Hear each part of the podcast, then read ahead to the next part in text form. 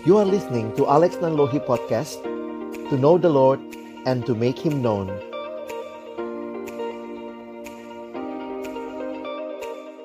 Aku yang serahkan ke Bang Alex, mungkin ada beberapa perkenalan singkat di awal ya yang perlu kita tahu. Tapi sih Kuanden berharap teman-teman di DKY Cita pasti kenal dengan Bang Alex karena beberapa kali sudah pernah diundang bahkan pernah khotbah di kita ya kalau nggak salah di Pasca beberapa tahun yang lalu. Teman-teman, eh, Bang Alex beberapa waktu yang lalu sudah dipendetakan eh, sudah dipendetakan dan Bang Alex juga sudah merit ya, sudah menikah, sudah berkeluarga eh, dan lain sebagainya. Saat ini Bang Alex melayani di Perkantas, di Perkantas Jakarta sebagai wakil sekjen Perkantas Nasional. Teman-teman semua pasti tahu Perkantas dan kalau teman-teman nanti kuliah pasti juga akan ketemu dengan Perkantas di beberapa kuliah di Jakarta. Dan Pendeta Alex eh, dari dulu sampai sekarang juga melayani sebagai staff di Perkantas Jakarta. Nah mungkin itu kali ya eh, perkenalan singkat buat Bang Alex. Mungkin Bang Alex bisa menambahkan kalau ada teman-teman yang mau tanya. Oke Bang, saya serahkan kepada Bang Alex. Baik, terima kasih teman-teman. Saya bersyukur kesempatan sore hari ini boleh sharing firman Tuhan dengan teman-teman sekalian. Makasih eh, untuk semua guru Injil yang juga sore hari ini hadir gitu ya. Ada Ko Andrian, ada Ko Yosafat, ada Cimaria ya dan eh, mungkin yang lain juga dan bersyukur melihat eh, kerinduan yang dalam juga dari teman-teman untuk terus boleh menggumulkan bagaimana iman Kristen di tengah-tengah tantangan dunia ini. Nah, saya eh, mungkin memulai dengan pengen test the water gitu ya, pengen tahu nih. Kalau ditanya kepada teman-teman yang ada di sini, bolehkah saya tahu kalau yang suka K-pop, grup apa yang kalian lagi senang dengerin sekarang? Atau suka tonton, ya sekarang kan banyak ya uh, aksesnya. Boleh tulis di live chat, grup apa yang sedang kalian ikuti gitu ya, lihat gitu. Wah, Blackpink, oke? Okay? BTS, wah, tetap ya. Ada lagi yang lain? Ah, EXO, oke, okay, ya. Itu juga Wah, oh Seventeen, oke. Okay. Secret Number, Blackpink, oke. Okay. Thank you teman-teman TXT and Hypen, oke. Okay. Oh, um, sekarang saya tanya makanan deh. Makanan Korea senengnya yang mana? Senang makan apa? Kalau makanan Korea yang teman-teman suka. Oke. Okay. Silakan jadi bisa capcay. Ini bukan capcay ya. Apalagi? Topoki? Ramyeon? Korean barbecue. Oke. Okay. Iya, topoki ramyeon ya, itu sangat terkenal. Apalagi bibimbap soju. Oke. Okay.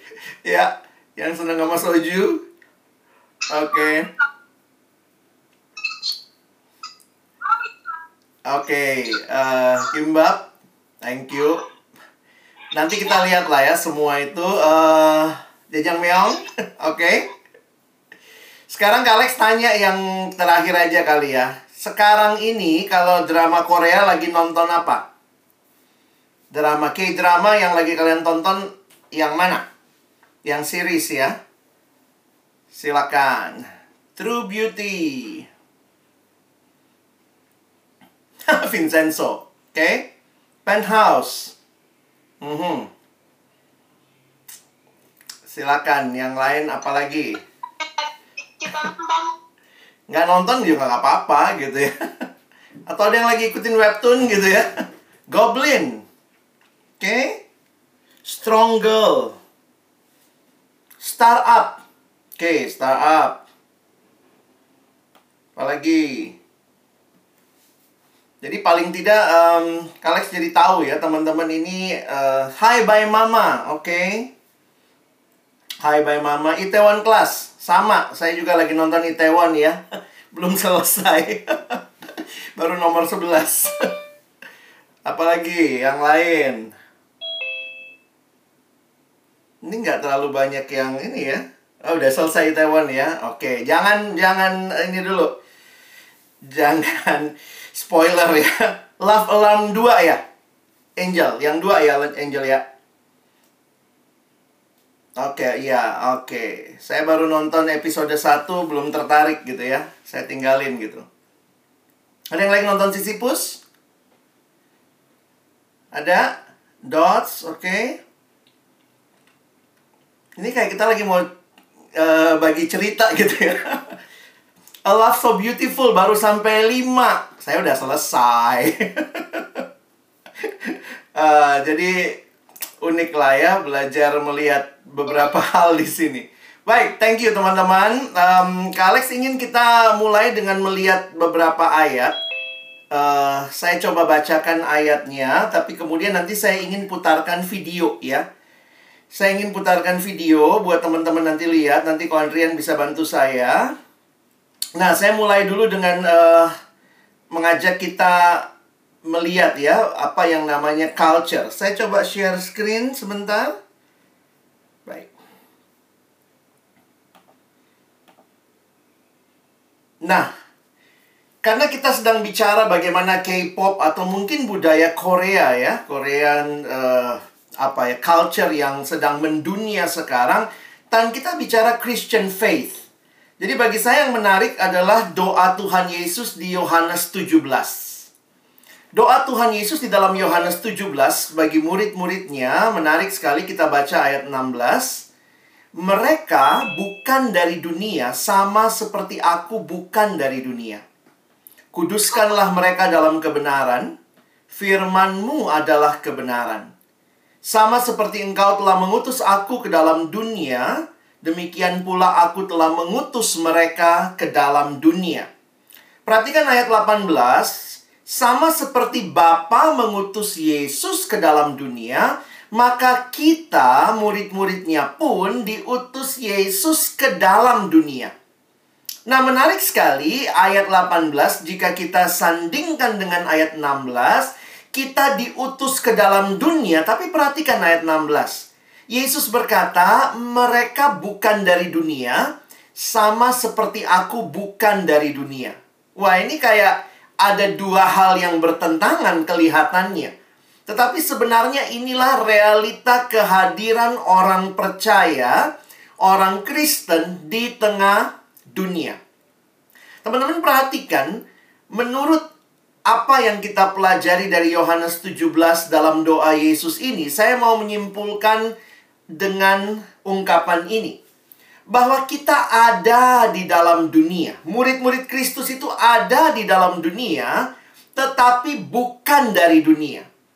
Maksudnya, kita hadir di dalam dunia, tetapi kita tidak ikut semua nilai-nilai dunia.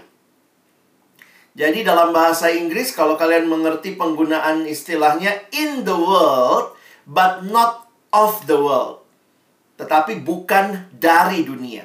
Nah, ini inilah realita yang sedang kita alami di dalam dunia, bahwa kita hadir dalam dunia ini, tetapi kita diminta untuk boleh hati-hati tidak mengikuti apa yang menjadi nilai dunia ini.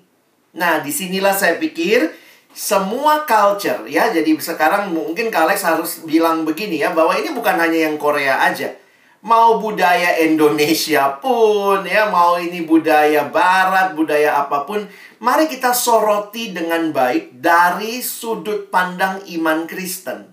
Ingat, teman-teman, yang percaya kepada Kristus, kita adalah murid Kristus, kita miliknya. Jadi di sinilah penting sekali kita punya uh, pemahaman yang tepat dengan lihat kondisi kita bisa memahami dan melihatnya dari sudut pandang iman Kristen. Ya. Nah, nanti Kak Alex akan coba tunjukkan tapi ini realita yang tadi kalian ceritakan begitu ya dengan begitu banyaknya kita bicara hari ini uh, budaya Korea ya dan ini cukup mendunia. Bukan cukup, bahkan sangat mendunia, ya. Kalau lihat uh, mulai dari K K-pop gitu ya. K-pop juga kalian udah sebutin grup-grupnya gitu ya yang terkenal ya selalu pasti masih banyak yang cinta pasti ya. BTS, Blackpink begitu. Belum lagi menarik sekali budaya Korea ini juga mendunia bersama dengan makanannya. Kalau kalian mungkin uh, ya mungkin uh, para koko cici yang lebih senior, lebih tua, mungkin pernah melihat juga kita pernah dilanda budaya Jepang kira-kira begitu ya. Sehingga kayaknya rame deh makanan Jepang di mana-mana begitu ya. Nah, sekarang ini Korea nih masuk ya. Dan itu itu sesuatu yang dalam culture terjadi begitu. Bahkan kalau kita lihat juga ketika dram uh, film ya, film Korea me menjuarai Oscar Parasite ya.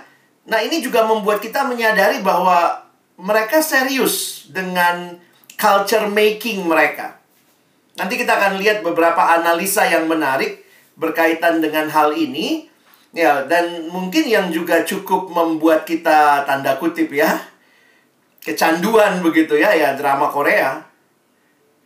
Jadi uh, ini ya, kadang-kadang udah capek pun wah nggak bisa berhenti ya apalagi kalau ada sekarang Netflix, View ya binge watching itu jadi sesuatu yang pokoknya dikebut gitu ya satu malam gitu supaya nggak ketinggalan dan seterusnya dan drama-drama mereka saya harus akui juga bahwa dari sisi cerita sinematografinya bagus-bagus teman-teman jadi saya pikir mereka juga sangat-sangat uh, prepare untuk ini menjadi sesuatu yang akhirnya juga jadi mendunia begitu ya. Baga sebagaimana mungkin kalau kita lihat bagaimana kita sangat gandrung dengan film-film bule misalnya beberapa tahun yang silam.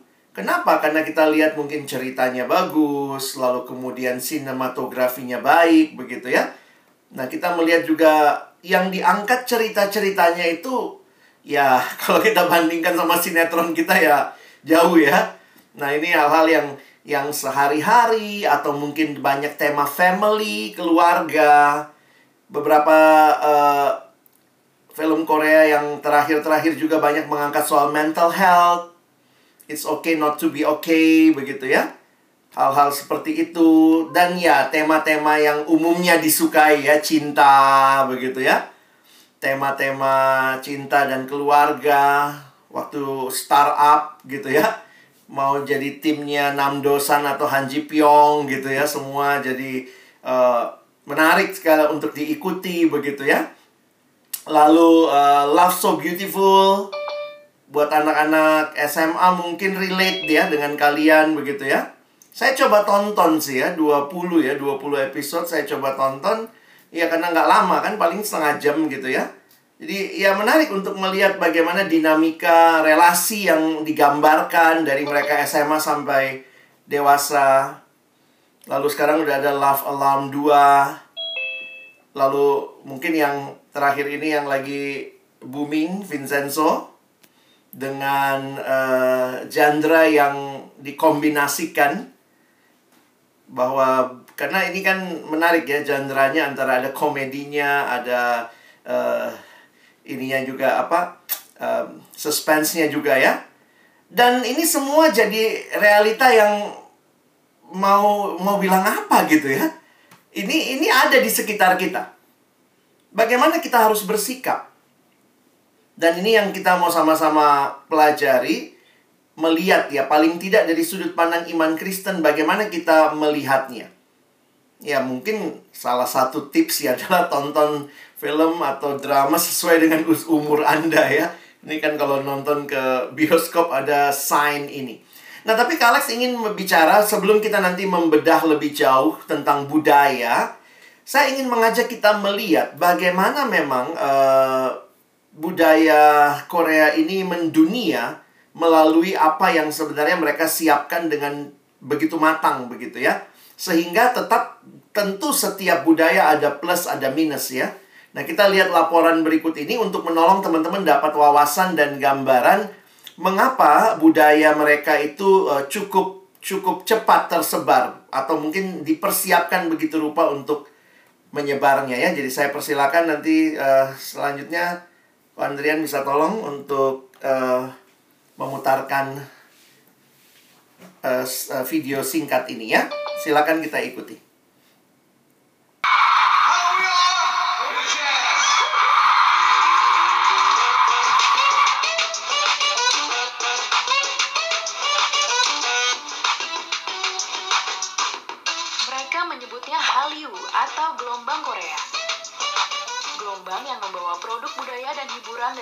Selatan ke puncak ketenaran itu kini telah menyapu dunia. Awal 2020 ini kita juga menyaksikan untuk pertama kalinya dalam sejarah, film berbahasa non-Inggris menang piala Oscar kategori film terbaik. Dan film itu ialah Parasite dari Korea Selatan. Bagaimana bisa negara yang dulu seperti Indonesia sempat dijajah Jepang dan terkena krisis 9798 kini menjadi pemain utama industri hiburan dunia?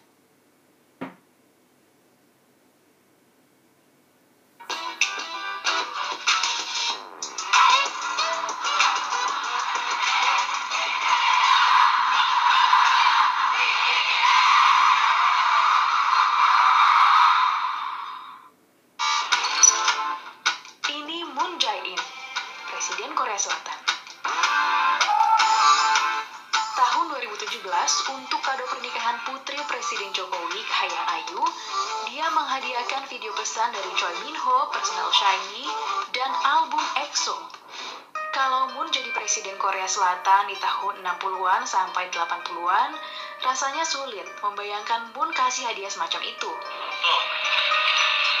Pada dekade tersebut, Korea Selatan dikuasai rezim militer otoriter yang mengandalkan industri berat seperti otomotif, kimia, dan elektronik.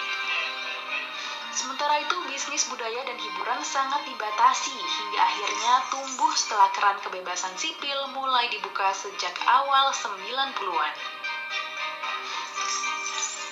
Era kebebasan sipil, pemerintah Korea Selatan mengambil tiga kebijakan penting yang memudahkan bisnis hiburan dan budaya berkembang, yakni pelonggaran sensor, pengurangan pembatasan perjalanan, dan keinginan untuk mendiversifikasi ekonomi.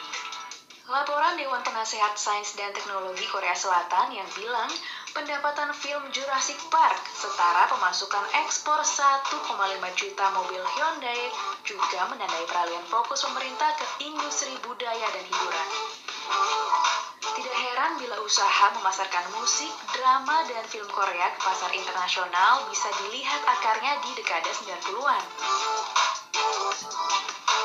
Grup Seo Taiji and Boys yang didaulat sebagai pionir grup musik pop Korea Selatan meluncurkan single perdananya I Know yang digandrungi anak muda pada 1992.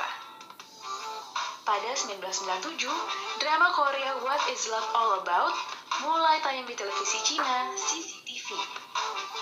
Dua tahun kemudian, film layar lebar Shiri rilis di bioskop dan ditonton 5,8 juta orang di Korea Selatan, pecahkan rekor yang sebelumnya dipegang Titanic.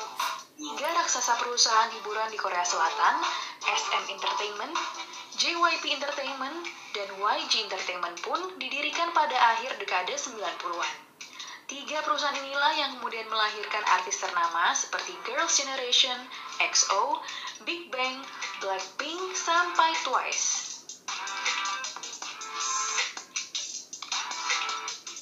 Memasuki dekade 2000-an, industri hiburan dan budaya Korea Selatan semakin mendunia. Winter Sonata laris manis di Asia dan Timur Tengah. Bahkan di Indonesia, drama seri ini ditayangkan ulang beberapa kali.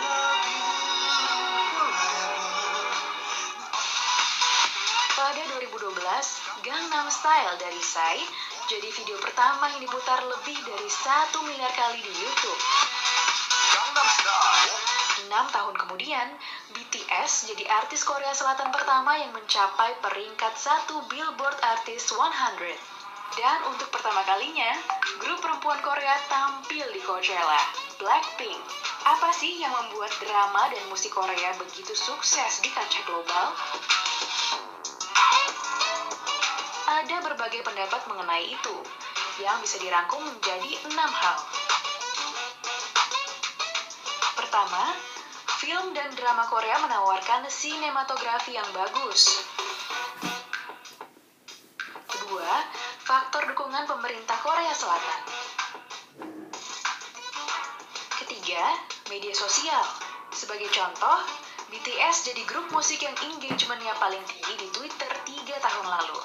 Keempat, faktor harmoni musik dalam K-pop yang punya daya tarik lewat paduan koreografi dan lagu yang catchy. Artis K-pop juga telah melalui latihan keras bertahun-tahun sebelum akhirnya menjadi bintang. Kelima, drama dan film Korea Selatan tidak banyak menampilkan adegan kekerasan atau telanjang. Faktor terakhir, produk hiburan Korea Selatan menonjolkan nilai-nilai keluarga dan cukup sensitif terhadap budaya dan agama negara lain. Misalnya, mereka punya panduan yang menyarankan agar program Korea tak ditayangkan di jam-jam ibadah sholat. Gelombang ketenaran drama dan musik ini pun perlahan menarik orang-orang datang ke Korea Selatan. Para fans misalnya, rela merogoh kocek untuk paket tur liburan supaya bisa nonton konser, membeli album fisik dan merchandise para idolanya sambil plesir ke lokasi syuting film favorit. Dan merasakan jadi orang Korea dengan memakai baju tradisional hanbok, belanja di pasar kota, dan menikmati kuliner setempat. Tidak heran bila sejak tahun 2000, angka wisatawan ke Korea Selatan terus menanjak. Selain itu, imbas ketenaran drama dan musik juga bikin ekspor kosmetik Korea Selatan melejit. Yang semula 0,37 miliar dolar Amerika Serikat pada 2009 menjadi 5,32 miliar dolar Amerika Serikat 10 tahun kemudian. Per Desember 2018, hampir 90 juta orang telah tercatat sebagai anggota klub penggemar Hallyu di seluruh dunia. Jumlah ini diperkirakan naik jadi 100 juta pada 2020 melihat pertumbuhan pesat penggemar sejak 2016. Cerita dan angka di atas menunjukkan bahwa dengan racikan yang tepat, budaya dan hiburan bisa jadi sumber ekonomi penting suatu negara. Dan Korea Selatan sejauh ini adalah negara yang andal dalam racikan.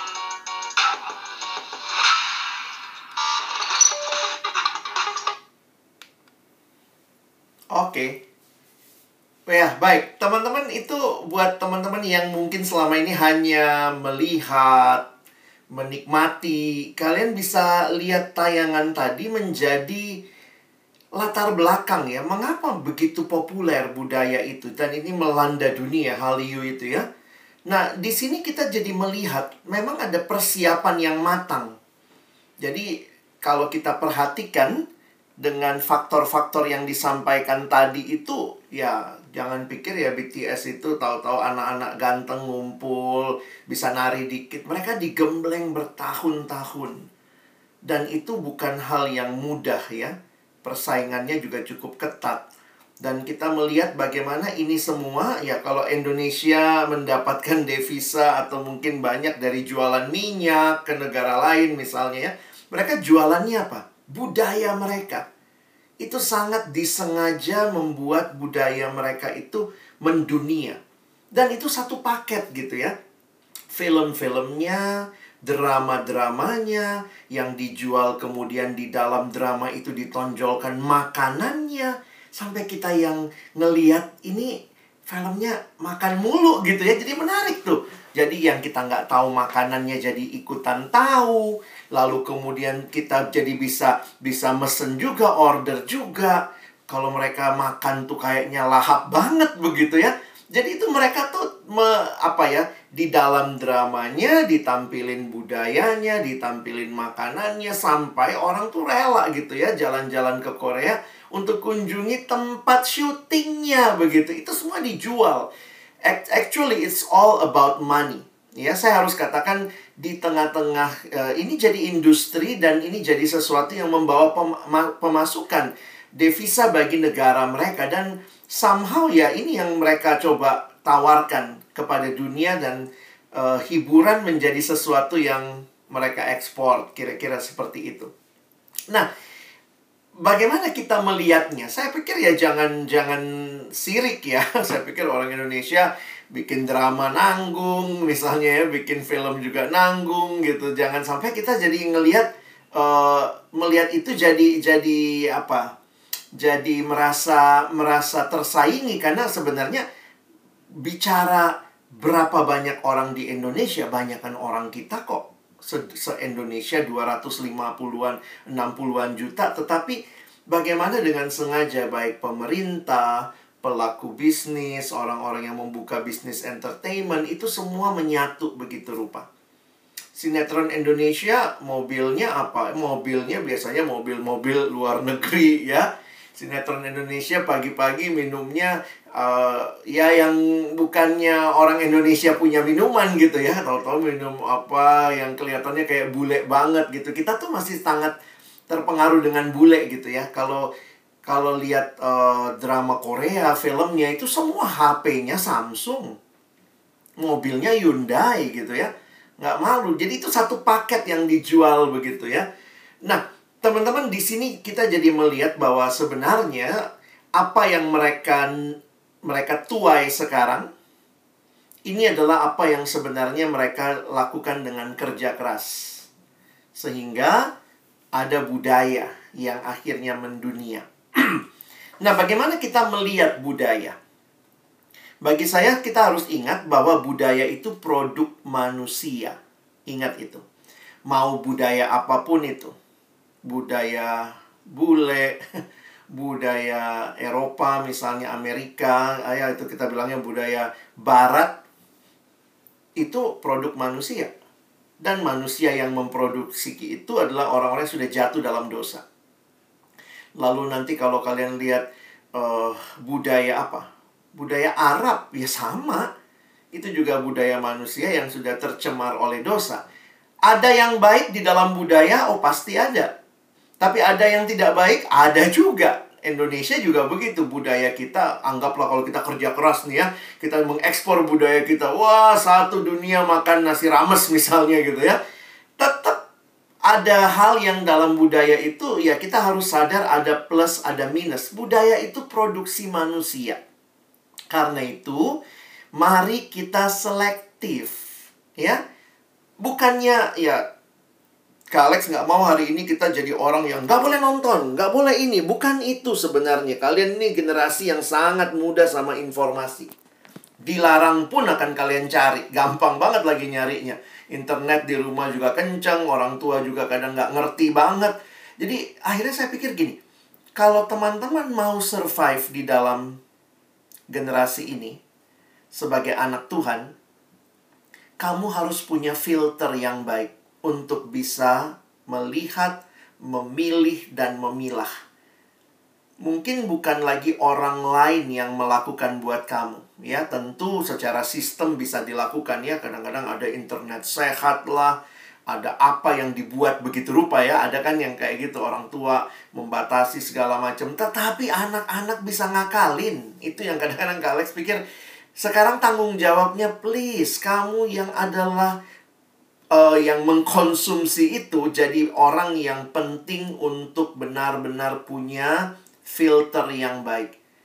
Karena dengan begitu gampangnya semua kamu dapat, teman-teman harus belajar juga bertanggung jawab. Karena apa yang kamu nikmati, ketika itu tidak sesuai dengan iman Kristen kita, dan terus-menerus kita nikmati, saya jadi takut kalau itu akhirnya membuat kita jadi kehilangan pegangan. Tapi apakah tidak usah mengkonsumsi hal-hal itu? Saya pikir bukannya tidak usah ya, sulit juga karena itu ada di sekitar kita. Dengar lagu, dengar buka radio pun itu, lihat YouTube muncul juga mungkin hal-hal seperti itu yang teman-teman juga uh, mungkin pernah kan YouTube, media sosial itu kan bergerak atau berfungsi me me mengikuti algoritma. Nah, algoritmanya ini jadi penting. Apa yang kamu pernah buka, sering buka, nah itu akan muncul terus begitu ya. Karena itu akan kamu lebih lama di hal-hal seperti itu. Nah, karena itu saya ingin ingatkan kepada kita ya, tentu dalam setiap budaya, coba filter kamu apa. Nah, ini yang uh, Kak Alex ingin kita bisa perhatikan beberapa hal ya. Saya tidak terlalu dalami K-pop, karena ya mungkin beda generasi ya udah nggak bisa goyang lagi gitu ya. Mau di TikTok juga goyangnya udah gempa bumi nanti ya. Lebih kepada uh, senang dengan lihat ya gerakan-gerakannya tetapi mungkin nggak nggak ngefans banget. Jadi cuma tahu aja begitu. Tetapi untuk drama atau film saya coba mulai ikuti dalam arti melihat gini ya, apa yang lagi ditonton oleh generasi teman-teman. Dan hal-hal apa yang mungkin saya sebagai orang yang sudah lebih duluan hidupnya bisa mengingatkan kamu untuk hati-hati ketika menonton. Perhatikan hal-hal ini, kira-kira begitu ya. Jadi saya harap sore hari ini tentu nanti ada waktu diskusi, tapi uh, kalian coba lihat dari pengalaman saya juga mengamati budaya Korea, lihat film dan dramanya, begitu ya. Um, pertama, buat kita tentunya, saya coba share lagi ya. Hati-hati dengan budaya yang ditawarkan dalam arti karena yang ditawarkan itu biasanya berkaitan dengan apa yang dipercayai. Ya sama lah ya kalau lihat juga di film-film setiap negara tuh ada aja macam-macam. Tapi saya coba garis bawahi ini yang pertama ya. Waktu saudara lihat film, lihat drama, dengar lagu, uh, dan mungkin kamu ngerti artinya, karena saya lihat juga sekarang banyak yang belajar bahasa Korea ya. Dulu-dulu kan cuman lihat lagu Korea atau dengar lagu Korea itu karena musiknya enak, beatnya enak, lihat yang yang uh, pemerannya, penyanyinya cakep-cakep, lalu gerakannya bagus begitu ya. Tapi mulai banyak yang juga tahu arti lagunya.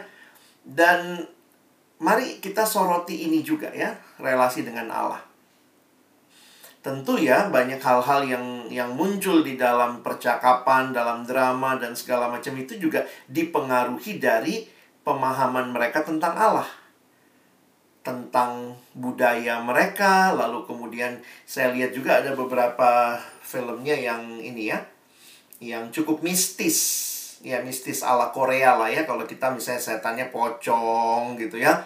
Itu nah cuma yang mungkin Kak Alex ingin garis bawahi adalah saya lihat satu drama, saya nggak usah sebut apa begitu ya, yang yang kayaknya orangnya itu jadi bisa oportunis banget gitu.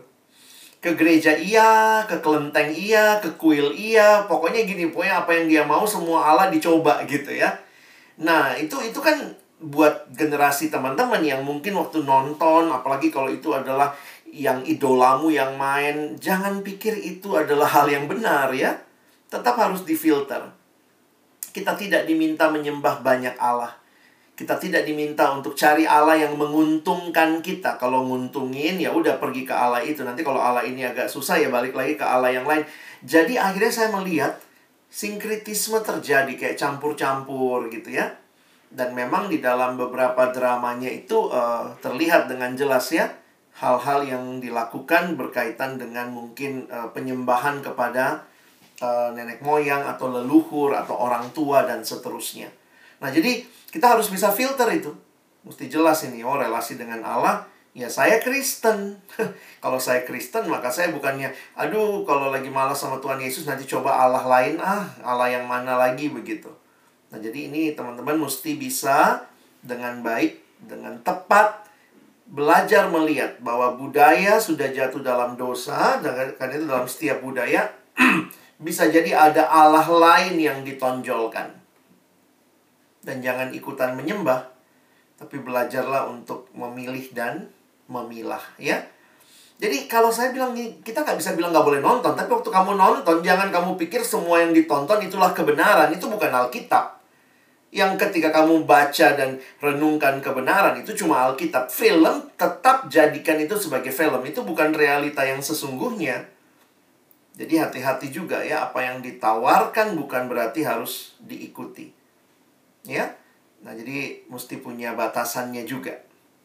Nah, yang kedua ini, ini yang mungkin lebih banyak lagi jadi masalah ya. Relasi-relasi cinta karena memang ini 90% tema di dunia ini, entah lagu, film, drama itu cinta katanya. ya bukan selalu cinta laki perempuan ya. Kadang-kadang ada cinta orang tua sama anak. Jadi memang tema cinta itu tema yang mendunia. Cinta kepada bangsa dan negara juga cinta gitu ya. Nah, relasi cinta yang sudah jatuh dalam dosa juga menjadi relasi yang harus teman-teman waspadai. Dan ini generasi ya, bukan cuma di Korea, tapi saya pikir ini juga mendunia, bahkan di Indonesia, bahwa seolah-olah cinta itu equal perasaan. Coba dengar penjelasan ke Alex sebentar ya. Dunia ini sedang bicara relasi di mana cinta itu diidentikan hanya dengan perasaan. Padahal kita bicara love, bagi saya love is more than just emotion. Di dalamnya ada emotion, ada feeling, yes, ada. Tetapi love is not equal emotion. Love is not equal feeling. Karena di dalam love ada kebenaran, di dalam love ada ada komitmen dan bagi saya itu harus mewarnai cinta yang sejati itu.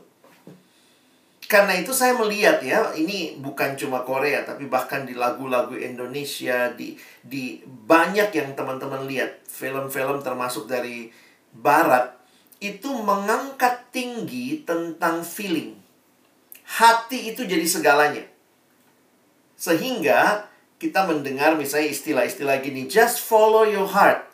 Kayaknya yang jadi penentu kebenaran adalah hatimu apa yang kau rasakan gitu ya. Ini generasi perasaan ya.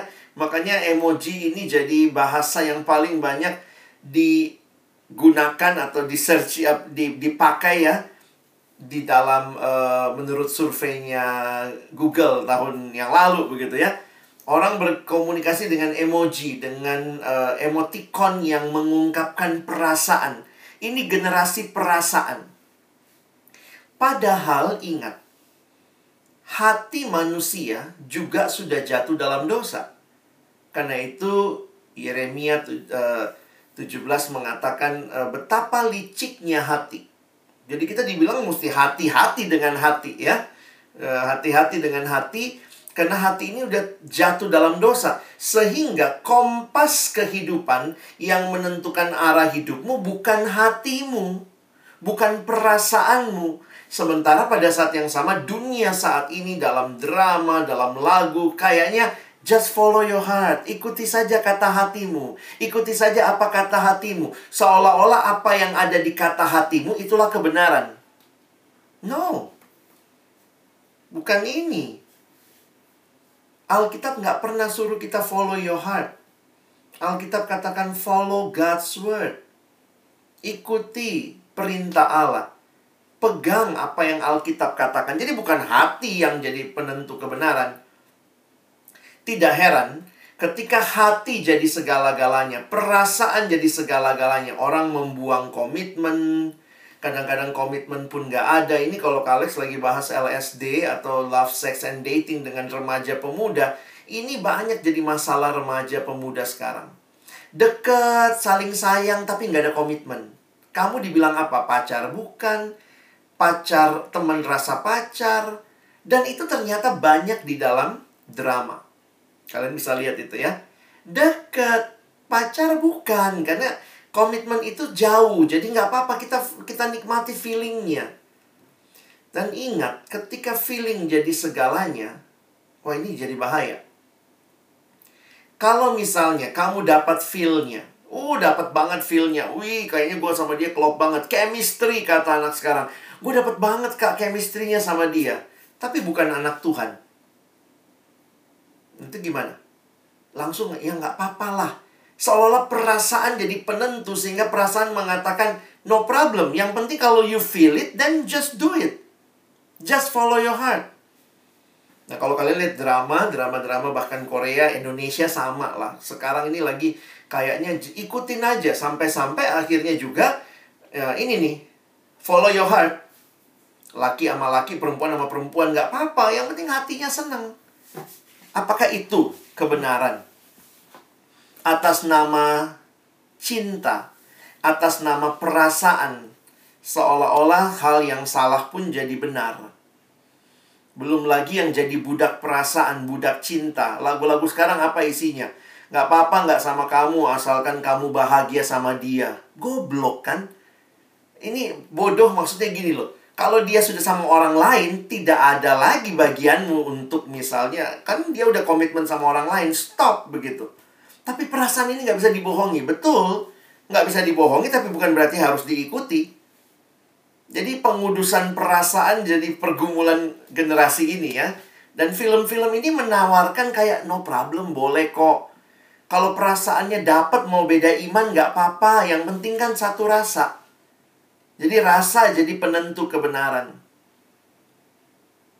Kalau selingkuh nggak apa-apa. Kenapa? Yang karena gue dapat rasanya sama dia gitu. Wah, ini ngeri juga. Saya nonton satu drama Korea tentang perselingkuhan tuh ngeri banget. Saya pikir, waduh kenapa juga ada drama kayak begini ya? Dan saya tonton pula ya, melihat gitu.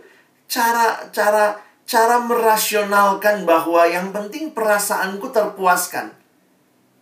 Nah, ini udah benih-benih selingkuh begitu ya. Termasuk juga akhirnya Nah ini di banyak drama Korea juga saya lihat ya Kadang-kadang sedih ya udah bagus ceritanya di episode berapa bukan suami istri tidur bareng Hanya karena dapat perasaan We feel gitu ya Waduh kadang-kadang ya kita harus sadar juga ya Tidak semua harus kita contoh Beberapa drama yang bagi saya lumayan bagus Kayak tiba-tiba agak ternoda dengan ada adegan-adegan di mana ya mereka masuk kamar berdua besok pagi bangun udah wah kayaknya semalam mereka menikmati hubungan yang belum seharusnya dalam relasi pernikahan. Jangan atas nama perasaan kamu korbankan kesucian seksual. Jadi bukan begitu ya. Dan memang ini juga jadi mengerikan ketika kita tahu bahwa pornografi juga jadi bagian yang saat ini melanda banyak anak muda.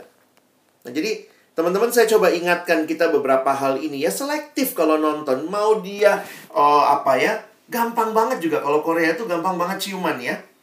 Termasuk kayak drama-drama gitu ciuman. Sementara apakah itu hal yang harus dilakukan? Saya yang termasuk me, apa ya? menegaskan sebaiknya tidak tidak ada sentuhan fisik yang seperti itu ketika berpacaran, belum waktunya. Ya. Sementara kayaknya karena jadi tren Masa pacaran gak pernah ciuman? Sementara kita nonton di drama, pacaran, anak SMA juga mereka ciuman dan segala macam. Sehingga seolah-olah itu jadi biasa dan bisa karena semua melakukannya. Bintang idolaku pun melakukannya. Nah, tapi jangan lupa ya, itu sesuatu yang sebagai anak Tuhan kritis melihat itu. Ada idolamu puji Tuhan, tapi dia bukan Tuhan Yesus. Idolamu punya punya kelemahan idolamu juga bukan semua yang dia lakukan menjadi contoh buat kita. Jangan lupa dia lagi main film, dia dibayar untuk itu. Teman-teman ngikutin ya rusak hidupmu, kamu nggak punya uh, nggak nggak dijamin sama dia begitu ya. Sehingga ini bagi saya film harus menjadi film, bukan sebagai hiburan, sebagai tontonan, bukan menjadi kitab suci. Apa yang dilakukan di film saya juga lakukan dalam hidup, bukan begitu. Selanjutnya, relasi yang lebih luas dengan sesama. Saya pikir juga memang film Korea tidak banyak atau drama-dramanya nggak banyak yang kekerasannya, tetapi juga jadi genre yang makin disukai juga. Ada juga kok yang kekerasan ya. Sehingga uh, ya teman-teman mesti bisa, ya ini kayak contohnya ya, yang harus bisa memilih dan memilah. Kalau kamu menonton itu, apa yang kamu pelajari, yang kamu lihat dari hal seperti itu. Kalau memang kamu tidak tahan, ya udah stop. Dan ini menjadi satu hal yang bagi saya jangan masukkan pikiranmu dengan hal-hal yang hanya sekadar uh, kekerasan. Di dalam beberapa drama dan film, saya juga melihat budaya-budaya yang belum tentu sama dengan budaya kita. Salah satu yang menarik memang mereka e, berbahasa ya kepada orang yang lebih tua, ada bahasanya dengan yang sesama umur, mereka punya bahasa tingkatan bahasa yang berbeda. Tetapi ada budaya-budaya mereka yang kayaknya kita nggak biasa ya. Pernah lihat nggak? Mereka suka banget kalau apa pukul kepala gitu, cepat gitu temennya ya dari belakang tek gitu ya. Dan juga beberapa bullying muncul ya karena itu juga nampaknya kuat di Korea. Jadi e, budayanya belum tentu bisa kita terapkan di sini itu budaya mereka. Kalau main pukul kepala anak orang Padahal kalau di film tuh kayak gampang banget dia pukul kepala ya, saat gitu ya. Nah ini kita mesti bisa lihat relasi-relasi kita pun kita ada di budaya kita sehingga kita tidak lagi ada di Korea. Kamu juga bukan orang Korea, jangan jangan sok jadi Korea lah kira-kira begitu ya. Dan harus bisa pilah dan pilih. Termasuk bagaimana nanti teman-teman juga cari sahabat ya. Saya ingatkan kalau di Alkitab jelas sah sahabat itu seperti apa. Amsal 17 ayat 17. Seorang sahabat menaruh kasih setiap waktu dan menjadi seorang saudara dalam kesukaran. Menarik ya, sahabat itu menaruh kasih bukan sewaktu-waktu, tetapi setiap waktu. Nah, dalam Amsal yang lain, Amsal 27 ayat 17, sahabat itu besi menajamkan besi, orang menajamkan sesamanya. Dalam terjemahan BIMK, bahasa Indonesia masa kini, sebagaimana baja mengasah baja, begitu pula manusia belajar dari sesamanya. Jadi kalau kita gabungkan dua kebenaran ini menarik ya Alkitab mengingatkan sahabat sejati itu sahabat yang mengasihi kita, asih dan sahabat yang membangun kita, mengasah kita. Asih dan asah. Nah, jadi ya banyak ya saya saya bersyukur juga ya beberapa filmnya misalnya kayak persahabatan cukup bagus di film-film mereka ditampilkan tapi juga ada persahabatan-persahabatan yang tidak tepat begitu ya dan itu mungkin menggambarkan ekspresi dan emosi manusia dengan berbagai uh, pola yang berbeda. Nah, kita mesti belajar ya, jangan jangan karena suka sama adegannya, suka sama apa kita cobain sama adik kita di rumah dipukulin lah, diapain gitu enggak, ya. Dan terakhir, setiap kali melihat, menonton, mendengar kiranya kamu juga bisa berelasi dengan dirimu sendiri. Lihat dengan dirimu sendiri. Masalah utama remaja, pemuda katanya adalah identity. Sehingga apa standarmu tentang cantik? Kadang-kadang ya kita lihat ya, semua lihatnya yang Korea, cantiknya itu, wih kurus banget. Itu ditiup angin jatuh kali ya. Terus mukanya licin banget gitu. Jadi beberapa orang itu agak obses juga nonton itu untuk bermimpi begitu ya. Tapi realitanya cantik itu lokal teman-teman. Lokalnya maksudnya gini. Cantik itu cultural ya. Di budaya tertentu cantik itu harus begini begini begini. Nah, ketepatan memang yang Korea ini kayak mendunia juga karena uh, dia menawarkan yang lebih apa ya, lebih umum begitu. Mungkin kalau kita di Asia malah lebih lebih klop, lebih dekat gitu ya. Tapi realitanya kan kita nggak seperti itu. Coba lihat nih, kalau Amerika katanya yang kiri, Korea yang kanan itu muka orang dibagi dua gitu. Jadi cantik itu nggak selamanya kamu cantik di sini belum tentu cantik di sana. Cantik di Korea, tetapi yang di Afrika ya kamu nggak dianggap cantik, yang cantik yang hitam. Tapi kan kayaknya budaya menunjukkan yang cantik itu harus putih. Jadi kayaknya kalau hitam tuh kutukan banget ya. Sampai orang sibuk memutihkan diri. Indonesia tuh laku banget pemutih ya. Karena kita agak hitam pengennya putih. Yang sudah putih mau lebih putih lagi. Wah, wajahnya udah kayak plastik begitu ya. Jadi memang K-beauty ini juga salah satunya karena mereka K-beauty ini berjalan bersama dengan jualan kosmetiknya. Ya. Jadi teman-teman mesti sadari itu.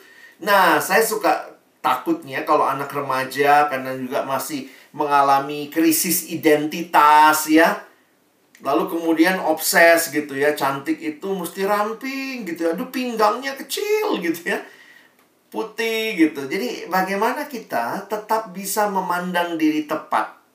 Bukan di hadapan manusia, jangan bandingkan dengan orang lain. Karena kadang-kadang kalau kita lebih, kita jadi sombong. Kalau kita kurang, kita jadi minder. Kita mesti melihat diri tepat di hadapan Tuhan bahwa Tuhan ciptakan engkau dan saya unik. Nah, ini kalimat-kalimat Alkitab yang memberikan kepada kita pemahaman ya bahwa Yesaya 43 mengatakan engkau berharga di mataku dan mulia dan aku mengasihi engkau.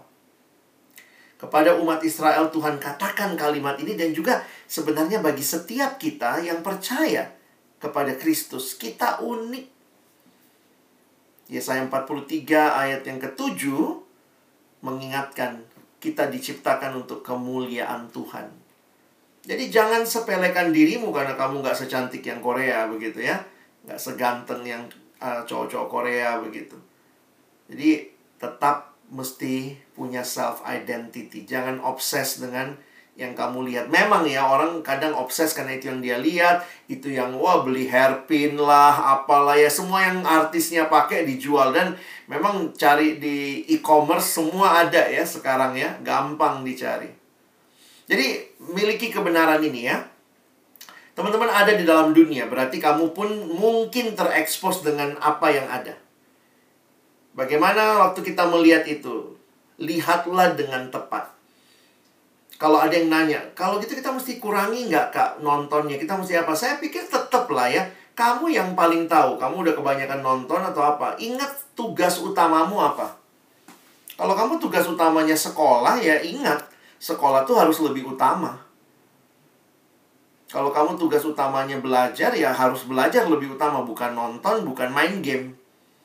Jadi sebenarnya kalau saya nggak terlalu suka kasih batasan, nggak boleh Poinnya adalah kamu tahu nggak tugas utamamu?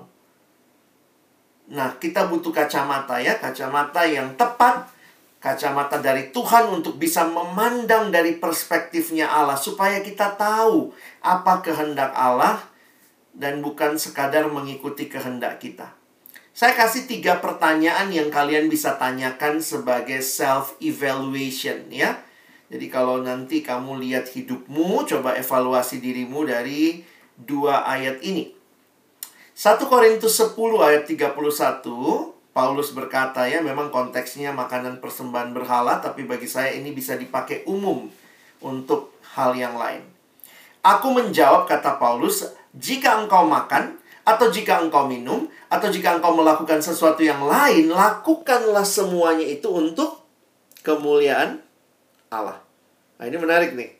Teman-teman bisa lihat ya lakukanlah semuanya untuk kemuliaan Allah. Bayangkan makan itu kan kayaknya receh banget. Makan, minum untuk kemuliaan Allah. Atau sesuatu yang lain.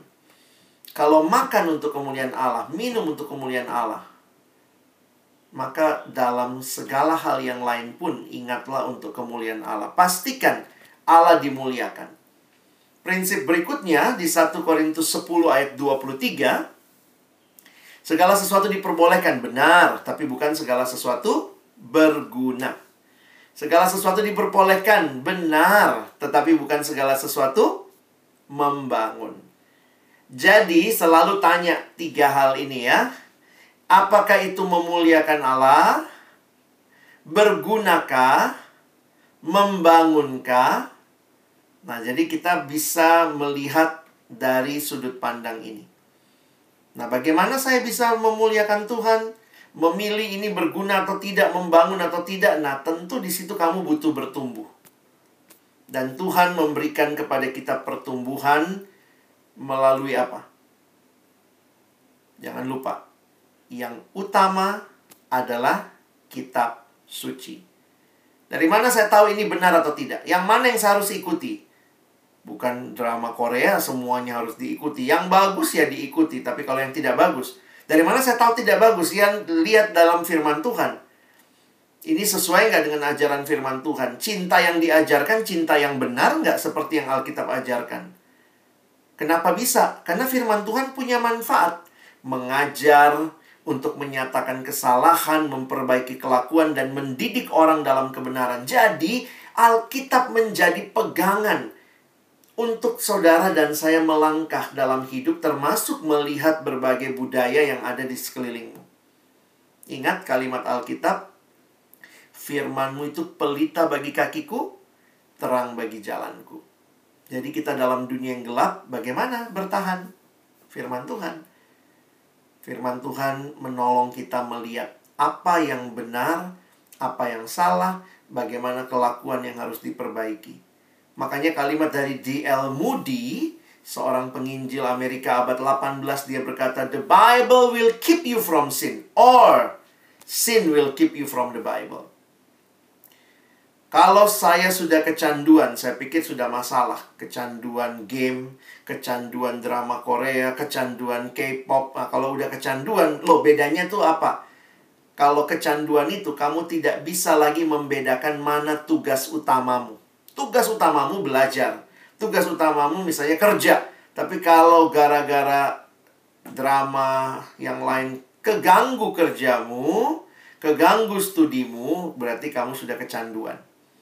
Nah, itu mesti hati-hati. Jangan sampai juga kita punya waktu untuk nonton. Tapi kita nggak punya waktu baca Alkitab tiap hari. Kadang-kadang sedih ya. Nonton satu malam bisa 3-4 seri. Terus ditonton. Baca Alkitab baru dua ayat udah ngantuk. Wah, saya pikir wah kita mesti berdoa supaya kita punya kerohanian yang kuat. ya. Kalau nggak begitu, kita nggak bisa melihat, memilih, memilah bagaimana bersikap. Dan terakhir, miliki komunitas. Memang Tuhan menolong kita. Tadi Kak Alex juga bilang di awal ya, filter utama sekarang saya lihat memang di diri pribadi. Tapi juga Tuhan kasih komunitas. Ada acara seperti ini di Korem, ikut ya biar saling saling membangun, saling mengisi. Ada Koko Cici yang bisa kalian tanya, ada Cimaria, ada Ko Andrian, ada Ko Yosafat orang-orang yang Tuhan hadirkan untuk menolong kita bertumbuh. Ada teman-teman pengurus, ada teman-teman sesama remaja, pemuda, ayo. Komunitas menolong kita. Kalau lihat teman, ih, kamu gimana tuh bebas dari kecanduan drama Korea misalnya. Oh iya, saya satu hari nontonnya cuma sekali misalnya gitu ya. Saya pokoknya nonton yang saya perlu. Ah, itu kan kita bisa belajar tuh saling tukar pengalaman. Dan akhirnya memang kita berdoa seperti yang tadi doanya Tuhan Yesus ya. Kita ada di dalam dunia, tapi kita bukan dari dunia. Karena itu hiduplah berbeda dengan dunia. Dare to be different. Kadang-kadang saya sedih ya, orang Kristen itu lebih suka jadi trend follower. Orang punya trend apa ikutan ya. Mari belajar juga ya untuk jadi trendsetter. Satu kelas nyontek, ikutan nyontek, kamu follower. Kalau kamu trendsetter, kamu berdiri dan berkata, yang nggak mau nyontek ikut aku yuk, ayo siapa lagi yang nggak mau nyontek gitu kan? Wah, ekstrim banget kok. Ya, tapi itulah kalau kamu mau jadi trendsetter, you set the trend, not you follow the trend. Nah ini yang saya pikir, mari jadi anak-anak Tuhan yang really you need to follow the trend. Uh, you need to set the trend, not just follow the trend. Ya, kiranya Pemahaman ini menjadi wawasan buat teman-teman untuk bisa memilih dan memilah. Dan iman Kristen jelas dasarnya Alkitab, bangunlah hidup dalam kebenaran sehingga engkau bisa menentukan berbagai hal dalam dunia ini. Amin. Silakan waktu selanjutnya ke Ko Adrian.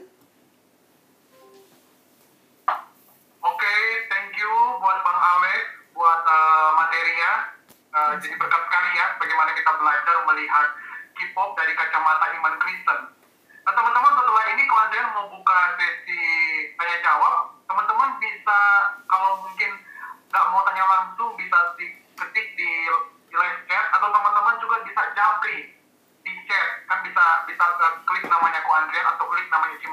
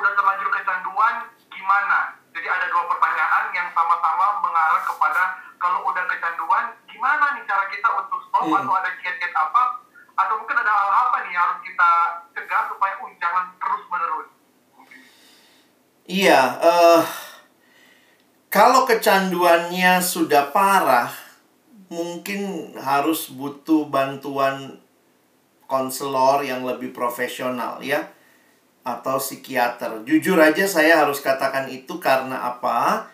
Kalau teman saya meneliti ya, teman saya dokter psikologi, dia meneliti dan penelitiannya hasilnya adalah ada penyakit baru sekarang.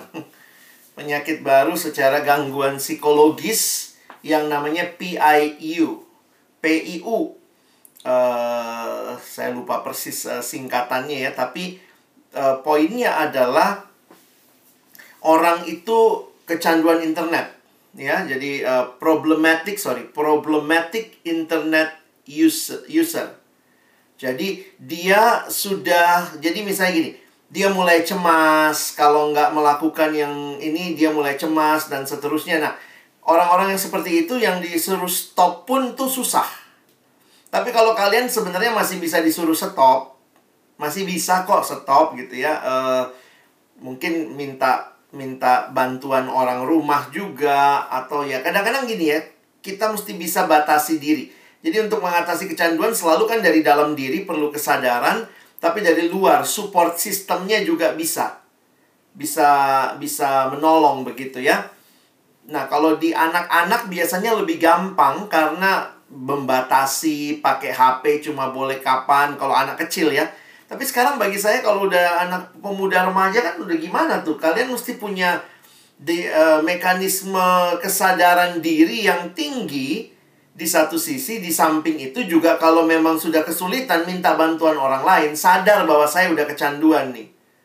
Nah, tapi kalau sampai yang kecanduan misalnya uh, diambil HP-nya kayak orang sakau gitu ya udah nggak bisa lagi tidur nggak bisa ngapa-ngapain kalau HP-nya diambil atau nggak di depan laptop gitu nah itu mesti ketemu psikiater sih ketemu psikolog juga konselor Kristen nah tapi ya tips and triknya sebenarnya kalau tips and triknya itu saya ngelihatnya ini ya uh, bukannya saya menolak tips and trick cuma realitanya tuh nggak mudah nggak mudah jadi kayak kita butuh juga mungkin komunitas teman bar teman berbarengan gitu jalan bersama. Terus kayak di di HP-mu kan bisa disetting ya kamu berapa lama nonton, berapa lama ini itu semua kan kayak kuncinya ada di kita ya. Jadi uh, belajar bersahabat dengan internet dengan HP-mu tapi juga bisa tahu batasnya. Nah, batasnya ini untuk tiap orang beda-beda. Sekarang apalagi lagi online. Semua belajar pun online ya. Sekarang belajar pun pakai HP kan. Jadi gimana dibilang batasin bagi saya juga di sini teman-teman mesti punya kesadaran yang tinggi sih secara pribadi. Mungkin itu dulu kok. Oke, okay, thank you. Teman-teman ada lagi pertanyaannya atau mungkin oh mau tanya lagi nih biar lebih jelas. Ada lagi nggak? Hmm, ini ada yang tanya nih, ada dua orang. Ya. Oh, dari Kecil Maria ya, oke. Okay. Ada yang tanya, kalau misalnya kita mau bohong, tapi kata hati nggak boleh. Mungkin ada ada yang mengingatkan nggak boleh nih hmm. bohong gitu ya. Nah jangan ikutin dong, kan tadi kata ini don't allow your heart. Nah jadinya uh, memilah memilah kita follow atau enggak gimana? Mungkin dia bingung. Mana yang harus diikutin haknya? Kalau kalau hatimu mengikuti firman Tuhan, maka ikutilah hatimu yang mengikuti firman Tuhan. Jadi tetap sih firman Tuhan jadi standar harusnya. Kalau misalnya uh, kita sadar bohong tuh nggak boleh ya, jangan bohong. Follow God's word, don't follow your heart. Karena misalnya hati kita, aduh pengen banget bohong, pengen banget bohong, aduh bohong aja deh. Jadi don't follow your heart tapi kalau hatimu setelah kamu juga menikmati relasi dengan Tuhan, hati itu mengingatkan. Jadi hati yang sudah diterangi oleh firman Tuhan, oleh Roh Kudus menjadi hati yang justru menyuarakan kebenaran. Nah, tapi sumber kebenarannya tetap firman Tuhan. Jadi tahu dari mana? Kita ikuti yang mana? Ikuti firman Tuhan. Kalau tepat hatimu sama dengan firman Tuhan ya berarti ya kan sebenarnya yang diikuti firman Tuhan begitu. Mungkin gitu kali Cimari. Uh, satu lagi, hmm. kenapa sih aku sering lihat di TikTok ada banyak anak-anak beberapa remaja yang kecanduan K-pop sampai menjadikan itu kayak nggak tahu dia bilang sampai jadi Tuhan atau jadi agama mungkin jadi kayak sesuatu Iya, yang ya. diidolkan gitu ya nah dia pengen tahu penyebabnya apa kira-kira sampai begitu Iya, iya. Jawaban eh, jawabannya bisa banyak ya. Filosofis dulu lah ya. Filosofis itu manusia, kita tuh manusia makhluk yang menyembah. Ingat ya, pernah nonton film Minion nggak? Kalau nonton film Minion itu persis seperti doktrin manusianya Kristen. Bahwa kita dicipta untuk menyembah Allah. Masih ingat Minion selalu cari Tuhan yang disembah kan? Dia cari lagi. Nanti kemudian dia cari terus. Nah, hati kita itu karena kita diciptakan menyembah Allah, maka selalu modenya mode menyembah. Nah, jadi menarik. Dalam hidup nih pilihan hidup kita bukan begini. Menyembah atau tidak menyembah. Bukan. Pilihan kita itu tidak ada tidak menyembah karena kita pasti menyembah. Berarti pilihan kita cuma dua. Sedang menyembah Allah yang benar atau sedang menyembah yang bukan Allah yang benar. Nah, di sinilah sejak Taman Eden, manusia menolak Allah yang benar, cari Allah lain. Nah, jadi saya secara filosofis mengatakan kalau kenapa orang itu dia bertiktok ria atau sorry dia mentuhankan K-popnya, idolanya jadi agama, ya karena hatinya itu selalu cari yang disembah. Nah, bagaimana mengembalikan hatinya itu ya dia harus ketemu dan tak kenal Tuhan yang benar. Tuhan yang hidup. Tuhan yang mati buat dia. Tuhan yang memberikan nyawanya buat dia. K-pop tidak pernah mati buat kamu. K-pop bikin kamu mati mungkin ya. Itu beda banget. Dan ini kita mau paskah nih ya. Kita akan merenungkan Yesus yang mati. Nanti dia bangkit. Dia memberikan hidupnya buat kita. Berhala. Kalau sudah jadi berhala. Nonton K-pop nggak salah. Tapi memberhalakan K-pop sudah salah. Kalau kita memberhalakan berarti kita merasa kita puas kalau lihat dia, ikutin semua perintah dia. Jadi kesannya dialah segala-galanya buat kita. Nah, saya cuma mau ingatkan, bedanya berhala dengan Tuhan yang hidup. Berhala justru mematikan kamu. Berhala itu mengambil semuanya dari kamu. Tapi Alkitab bicara ada Tuhan Yesus yang bukan mengambil tapi memberikan segalanya buat kamu. Dialah Tuhan yang benar yang harus kita ikuti. Nah, jadi buat teman-teman yang lihat atau apa ya doakan ya orang-orang yang sedang terjebak dengan Tuhan-Tuhan yang salah. Kalau kalian mungkin juga punya teman seperti itu, doakan dia. Nanti kalau pasca ya ajak dia datang koreng gitu ya. Lu ikut deh, ini pas pasca nih. Biar dia dengar firman, dia dengar ada Tuhan yang mati buat dia. Dan hidup membangkitkan dia untuk hidup bagi Allah. Jadi itu realita yang terjadi dan ada di sekitar kita dan kita harus kembali kepada Tuhan yang benar. Oke, terima kasih. Eh, satu question terakhir yang masuk ke saya di Japri Chat. Hmm. Pak Alex, gimana sih eh, nasehatin teman-teman?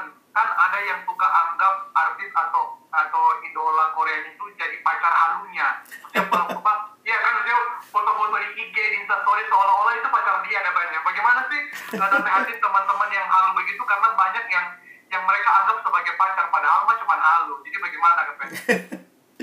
Ah, ini kalau kalau Kak Alex suruh buka semua siapa tahu ada yang virtual backgroundnya artis Korea. Iya ya, beberapa kali saya pelayanan ke sekolah-sekolah gitu kaget anaknya masuk masih ada artis Korea dia belum sempat ganti virtual backgroundnya. Ya inilah realita di mana usia remaja, usia-usia yang pingin menikmati cinta, pingin dikasihi, dan masa-masa seperti itu ya kalau teman-teman tidak menemukan cinta yang sejati dalam Tuhan, saya ngelihatnya gitu sih ya. E, mungkin terdengarnya klise ya. Gimana supaya tidak halu? Ya cari yang real, Yang real itu ya cuma Yesus yang mengasihimu, menerimamu apa adanya. Jadi lucu ya, kadang-kadang ya tanpa kita sadari karena kita memang selalu ingin ada pribadi yang ada buat kita persis seperti yang dikasih tahu di Alkitab ya. Kita menciptakan Allah-Allah itu, kita menciptakan imajinasi itu. Nah, tetapi kayak Tuhan mau bilang gitu ya. Silahkan kalau kamu ikuti yang itu, itu halu. Aku real loh yang kalau kamu doa, aku dengar kamu. Kalau kamu punya pergumulan, aku ada buat kamu. Sehingga mungkin Tuhan lagi mau nanya sama kita ya. Kalau kamu kasih waktu untuk yang halu-halu, yang halu kamu ikuti, kamu baca biografinya, kamu tahu siapa pacarnya, kamu bahkan tahu ukuran sepatunya. Why not you just do the same for our God? yang bukan halu, dia hadir buat kita. Jadi sebenarnya kalau pakai kalimatnya C.S. Lewis, setiap kita melihat apa yang kita cari di dalam hati kita, termasuk cari pacar halu itu, sebenarnya jawabannya cuma satu ada di dalam pribadi Yesus. Semua yang halu itu sebenarnya mengungkapkan desire kita yang paling dalam. We need someone who will, will walk with us every day. Yang selalu ada buat kita. Kadang-kadang kita punya posternya di kamar, kita pikir bintang K-pop itu selalu ada buat kita ya. Tapi yang ada selalu dan pasti buat kita tuh Tuhan Yesus. Jadi ya uh, mari jangan halu lah ya. Lebih baik jadikan mereka idola yang tepat. Ya udah, bagaimana misalnya perjuangannya masuk K-pop, dia dari keluarga seperti apa, itu jadi teladan. Tapi bukan menjadikan dia Tuhan, jadi halu lagi. Kalau ada dia, puaslah hidupku, dia pacarku, ya ampun. Jauh banget gitu ya. Nah, gitu kira-kira gambarannya seperti itu. Oke, thank you. Menarik sekali penjelasan dan juga uh, jawaban dari Bang Alex. Terima kasih juga buat beberapa teman-teman remaja yang sudah mau tanya. Semoga hari ini kita mendapat satu hal yang baru. Dan Ko Andrea mungkin bisa kasih kesimpulan dengan singkatan. Singkatannya DTS teman-teman harus ingat ya mungkin singkatan dari apa dari hari ini yang Ko bisa dapatkan Ko simpulkan dengan BTS dari B ya B itu adalah Bible harus jadi standar. Kenapa Bible harus jadi standar? Karena kita hidup bukan dari diri kita sendiri. Ada firman Tuhan ada Tuhan dan kita harus um, hidup dari apa kata firman Tuhan yang kita kadang-kala suka bentrok dengan apa-apa yang kita terima dari lagu, dari budaya, dari film dan lain sebagainya. Nah, teman-teman harus menjadikan firman Tuhan selalu menjadi tolak ukur. T, apa T? T itu adalah tentukan batasnya. Ingat tadi uh, Bang Arlen sampaikan, teman-teman harus punya satu pemikiran bahwa kita punya tugas utama. Punya tugas utama, jadi kita perlu tentukan batas kita di dalam melihat budaya hari ini. Jadi tentukan batasnya karena kita punya tugas utama. Yang terakhir adalah S, BTS ya, BTS. Yang terakhir S, selidiki apa yang kita lagi gandungi. Ya, kenapa kita perlu selidiki? Karena supaya kita jangan dibohongi. Tadi Pak Alex bilang kalau mau ciuman ya mereka itu dibayar. Kita makan kan nggak dibayar. Jadi kita harus selidiki supaya kita nggak ditipu, supaya kita nggak halu, ya, nggak halu, dan supaya kita tidak eh, supaya kita tidak langsung serta merta menerapkan uh, budaya Korea ke Indonesia. Karena kita punya budaya dan culture yang berbeda termasuk karena kita juga anak Tuhan. Ya jadi ada BTS Bible harus jadi standar tentukan batasnya dan selidiki apa yang kita kandung oke okay, terima kasih. Teman-teman mari sebelum kita akan menutup uh, kita pada hari ini